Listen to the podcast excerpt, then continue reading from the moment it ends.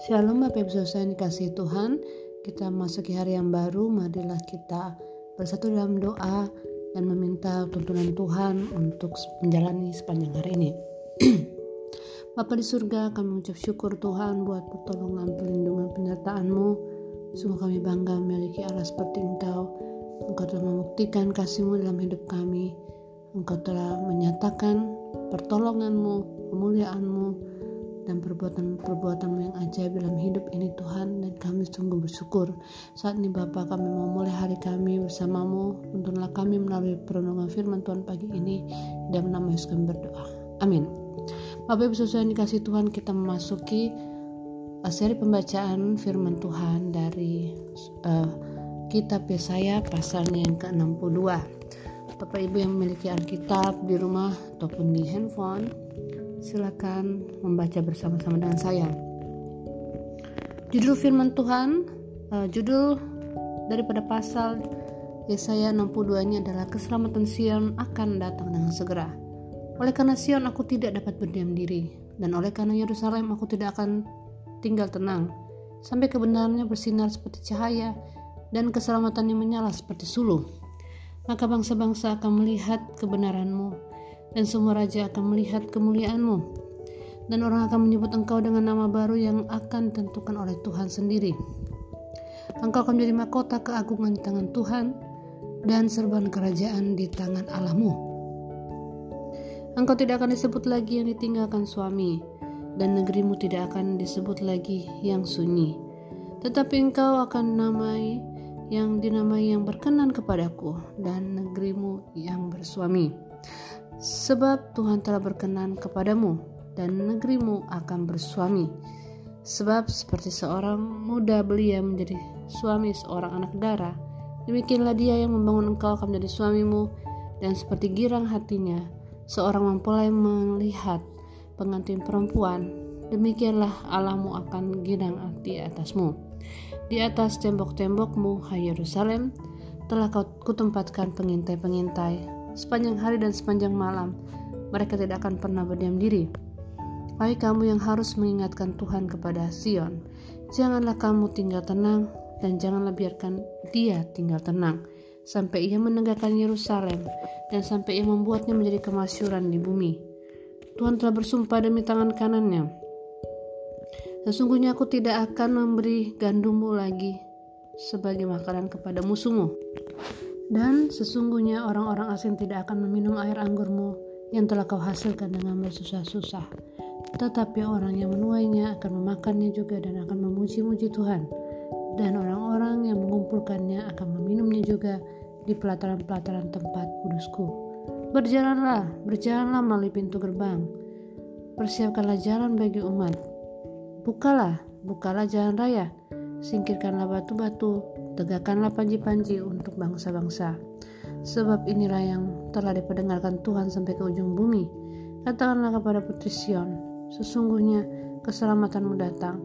Sesungguhnya mereka yang menjadi upah jeripayahnya ada bersama-sama dengan dia, dan mereka yang diperolehnya berjalan di hadapannya.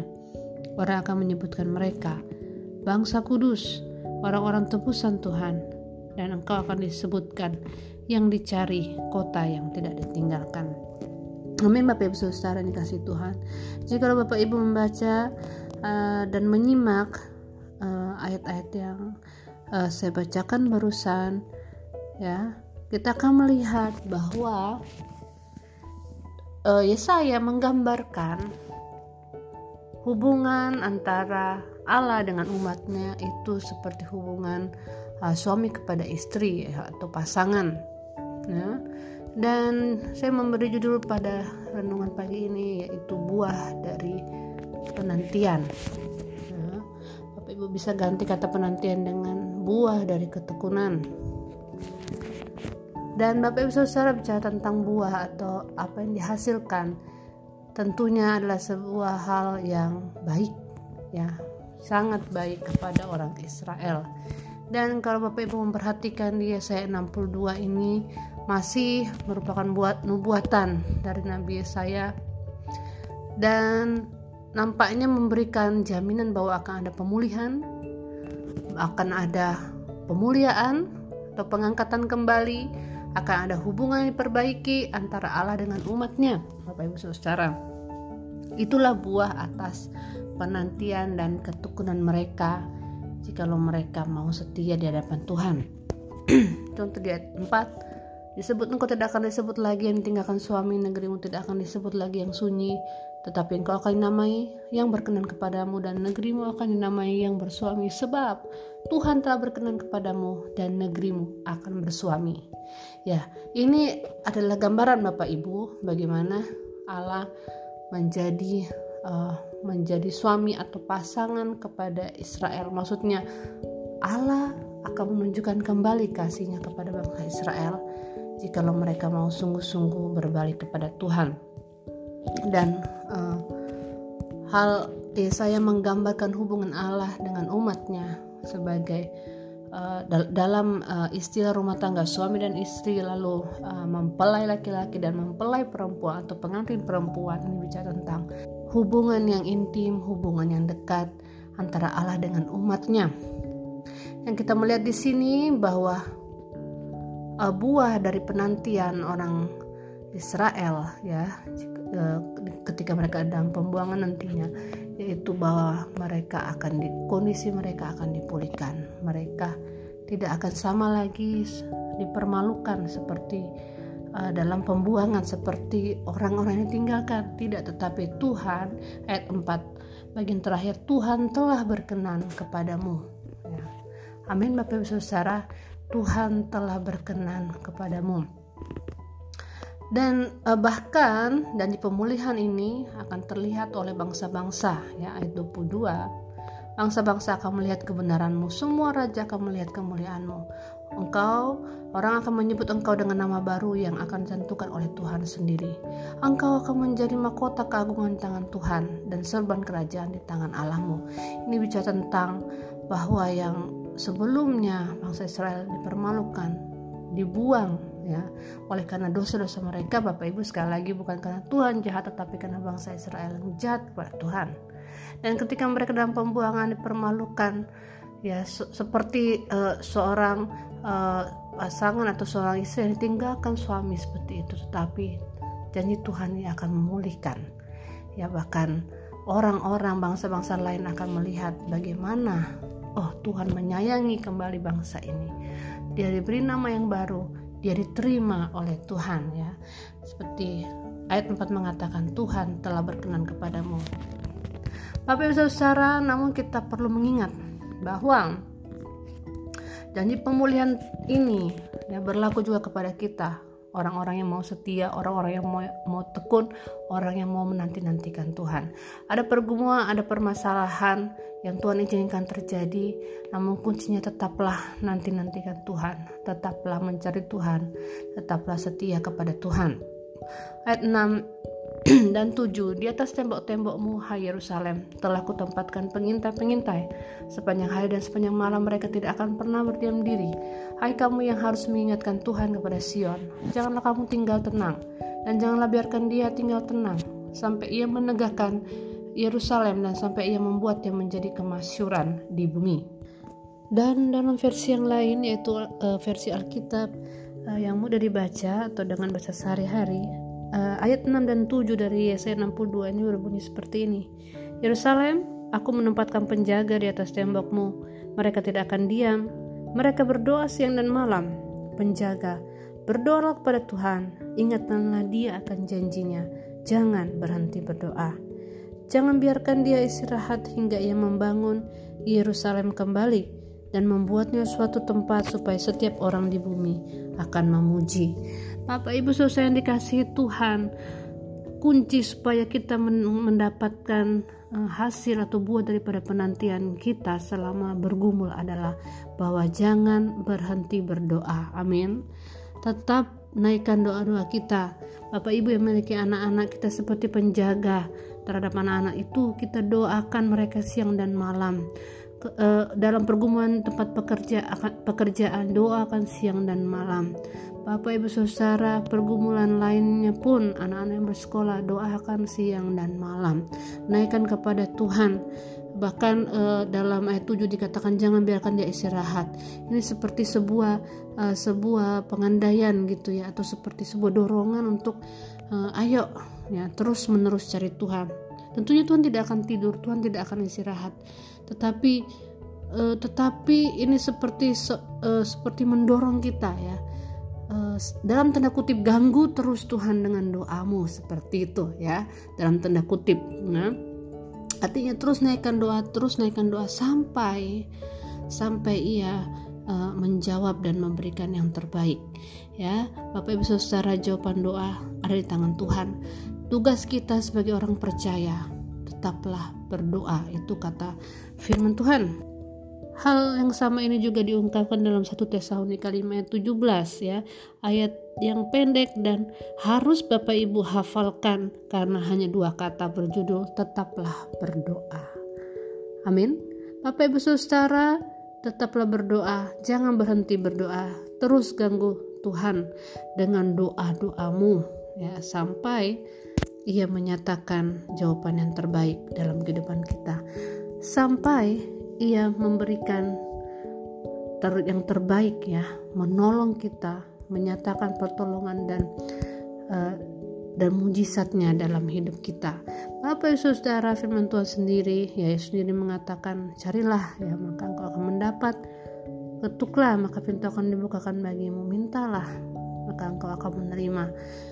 Seringkali kita tidak kita merasa tidak mendapatkan jawaban tidak mendapatkan pertolongan. Mungkin karena kita tidak meminta dengan tekun. Mungkin karena kita tidak mencari dengan sungguh-sungguh. Mungkin karena kita tidak ber, mengetok pintu dengan tepat Bapak Ibu Saudara. Artinya kita sering kali meminta pertolongan kepada hal-hal lain atau oknum-oknum lain selain Allah. Saat ini Tuhan mengingatkan kita melalui firman-Nya kepada orang Israel yaitu mari terus jangan tinggal tenang atau jangan berdiam diri, jangan berhenti berdoa kepada Tuhan. Amin. Sampai Tuhan membuat kemasyurannya nyata di bumi dan orang lain boleh melihat pekerjaan Tuhan dalam kehidupan kita. Amin Bapak Ibu Saudara. Di ayat 12 ya, pasal ini diakhiri dengan uh, perkataan seperti ini. Orang akan menyebutkan mereka atau bangsa Israel bangsa yang kudus, orang-orang tebusan Tuhan, dan engkau akan disebutkan yang dicari, kota yang tidak ditinggalkan. Dalam 1 Petrus 2 ayat 9, firman Tuhan bilang seperti ini, Tetapi kamulah bangsa yang terpilih, imamat yang rajani, bangsa yang kudus, umat kepunyaan Allah sendiri, supaya kamu memberitakan perbuatan-perbuatan yang besar dari dia. Bagian uh, atas atau bagian A, kamulah bangsa terpilih. Imamat yang rajani ini adalah uh, nama terbaru ya yang Tuhan berikan kepada umatnya. Bapak Ibu Saudara, Kitalah bangsa yang terpilih, kitalah imamat yang rajani, kitalah bangsa yang kudus, kitalah umat kepunyaan Allah sendiri. Namun, hal kita diperbaharui, dipulihkan, dimuliakan, sama seperti Israel dimuliakan Allah, ada tujuannya.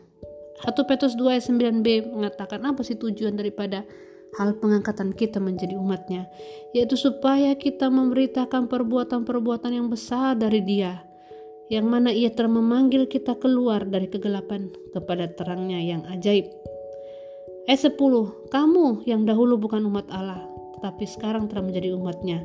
Yang dahulu tidak dikasihani tetapi yang sekarang telah beroleh belas kasihan. Amin Bapak Ibu Saudara Bapak Ibu Saudara, apakah engkau menyadari bahwa hidupmu ini adalah karena kemurahan Tuhan? Apakah engkau menyadari bahwa kita ini telah diselamatkan oleh oleh pengorbanan Yesus di kayu salib? Apakah Bapak Ibu kita menyadari bahwa pergumulan-pergumulan kita yang sebelumnya Tuhan telah menolong sehingga hari ini kita ada sebagaimana kita ada. Oleh sebab itu, marilah kita tetap tidak berhenti berdoa, tidak berhenti berharap kepada Tuhan, tetap atau terus-menerus mencari Tuhan sampai Ia menyatakan yang terbaik dalam kehidupan kita. Amin. Dan hal kedua yang kita dapat pelajari di pasal 62 ini yaitu ayat yang ke-6 ya.